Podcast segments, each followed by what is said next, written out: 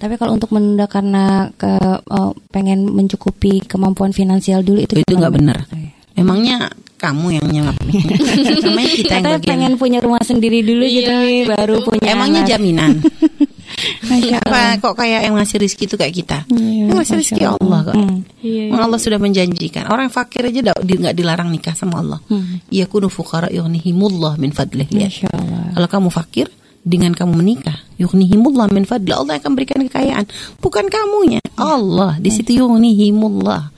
Ditegaskan di situ. Artinya Allah yang akan bisa membukakan jalan gitu loh.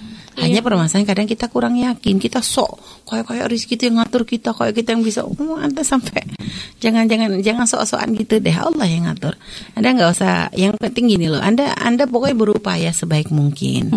Anda berupaya sebaik mungkin. Kalau memang Allah memberikan kepada anak Anda anak, ya maka artinya Allah telah memberikan kepercayaan kepada Anda. Dan insya Allah Anda akan mampu untuk mengurusnya. Yang penting tadi Anda kuatkan keimanan, ketawakalan, upaya juga upaya zahir iya, tapi upaya batinnya adalah Anda semakin dekat kepada Allah. Husnudon selalu dengan Allah gitulah. Nanti akan ada kemudahan. Kami dulu punya anak pertama juga jangan dipikir sudah dalam keadaan mapan. Enggak juga. Kita tolebul ilm kok. Tolebul ilm tuh gimana sih? Pas-pasan gitu loh. Iya, Nah, kita temukan teman-teman yang ada di Yaman yang nikah sampai awal ya Allah semuanya pas-pasan gitu loh. Sampai sekarang punya anak 8 dan gak pulang-pulang coba. Ada punya anak 8 ada 7 ada begini. Masya Allah pokoknya ya artinya kan itu Allah semua yang ngatur gitu. Siapa yang nyangka gitu.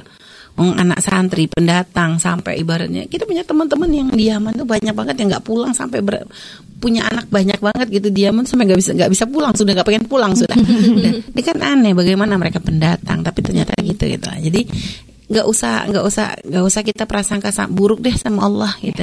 Iya. ya jadi hidup tuh kita jalani dengan banyak husnuzan kepada Allah. Yang penting kita kita menjalani semuanya tuh sesuai dengan sunatullah yang berlaku. Kita upaya ikhtiar ada. Harus itu kita juga sambungkan dengan masa kedekatan kita kepada Allah. Menjalankan syariat Allah dengan yang sebaik-baiknya. Terus nanti semuanya akan berjalan dengan dengan dengan dengan banyak kemudahan insya Allah. jadi gitu. Allah alam bisawab